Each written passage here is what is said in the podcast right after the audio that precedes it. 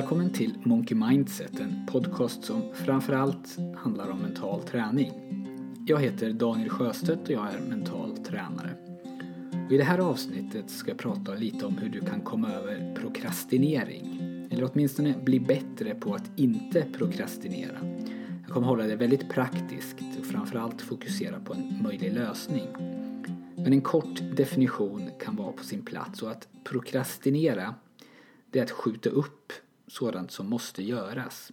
Inte att strunta i det helt, utan att skjuta upp det. Och du skjuter inte upp det för att det finns skäl till det. Tvärtom så finns alla skäl att inte skjuta upp det, men du gör det ändå. Det är ett slags irrationellt handlande mot bättre vetande. Och det här är en av de sakerna jag själv har kämpat mest med och för mig så kunde det och kan fortfarande ibland handla om allt från att betala en räkning eller skicka en faktura till att förbereda en föreläsning eller plugga inför en tenta. Du vet att du borde skicka det här mejlet och det tar mindre än fem minuter att göra det. Men istället så städar du skrivbordet eller så rensar du avloppet för plötsligt så känns allting annat viktigare. Eller snarare så försöker du lura dig själv att allting annat är viktigare och du genomskådar dig själv så lätt. För du vet att du egentligen borde se till att få det här mejlet skickat. Men det blir inte gjort. Ett minst sagt underligt och frustrerande beteende. Och till slut så mejlar kunden och frågar varför du inte har mejlat. Vill du inte ha uppdraget? Och det är ju lite pinsamt. Det känns inte så värst professionellt. Ingenting blir gjort förrän det är panik. Och om du förstår vad jag pratar om så vet du att du förbannar dig själv varje gång det händer. Du lovar att det här var sista gången och att nästa gång då ska du börja i tid, planera och göra lite varje dag. Men så blir det ju förstås inte. Och jag lämnar orsakerna till det här till en annan gång men det handlar om en slags blockering, en, ett motstånd som vi inte lyckas komma över. Så vad kan du då göra? Jo, en metod för att få saker gjorda och som det har forskats på en hel del kallas för implementation intention på engelska och på svenska så hittar jag ingen annan översättning förutom implementationsintention. Och det finns många studier om just implementation intention och flera av dem är tillgängliga på nätet och resultaten de är övertygande. I vissa fall så har den grupp som använt sig av den här metoden fått mer än dubbelt så bra resultat som kontrollgruppen. Och själva metoden är mycket enkel. Det handlar om att du i förväg så tydligt som möjligt formulerar exakt vad du ska göra, när du ska göra det och i vilket sammanhang du ska göra det. Så att istället för att formulera ditt mål, till exempel att 2016 ska jag träna tre gånger i veckan. Så skriver du om det är söndag, tisdag eller torsdag och klockan är 18.00 så ger jag mig ut på en löprunda. Ju mer exakt du är, desto större möjlighet har du att lyckas. Och du formulerar det här, det du vill få gjort, enligt en så kallad om så-formel, if-then-formel. Om det är torsdag, så ger jag mig ut på en löprunda. Det är också viktigt att du håller den här formuleringen långt framme i ditt medvetande. Skriv inte bara upp det på en lapp som du lägger i en byrålåda utan se till att läsa lappen eller kanske revidera den så ofta som möjligt.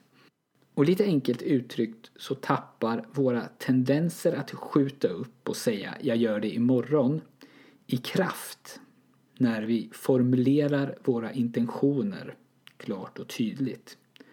Frågan, ska jag göra det nu eller ska jag göra det senare och vad exakt ska jag göra? Den finns inte längre i vår hjärna, den är redan besvarad. Så den går inte att använda som ursäkt.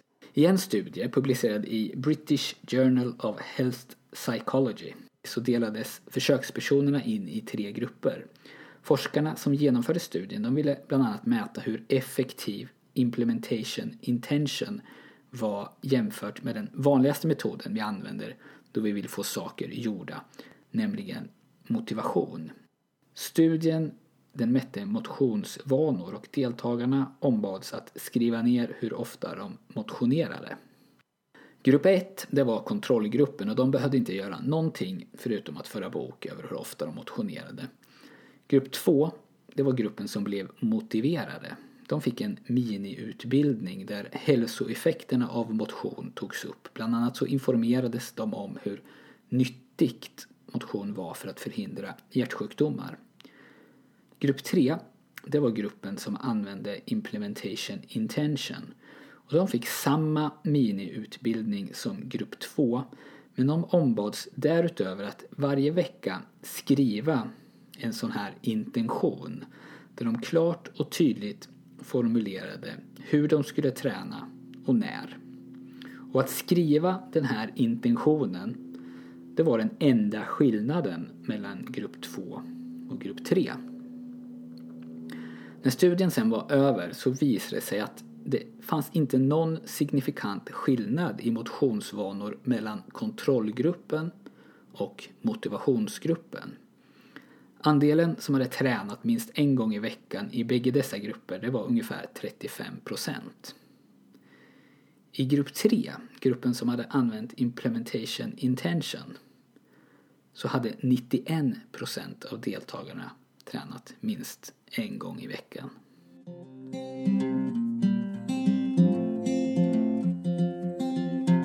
Så vad du gör, det är alltså att du skriver upp så tydligt som möjligt vad du ska göra, när du ska göra det och hur du ska göra det.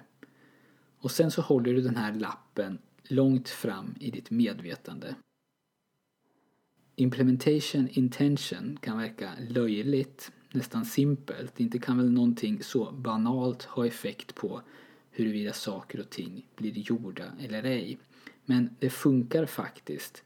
Prova själv och dela gärna med dig av resultaten till mig på daniel.monkeymindset.se och jag skulle självklart också gärna få dina bästa tips för att sluta skjuta upp och för att få det gjort.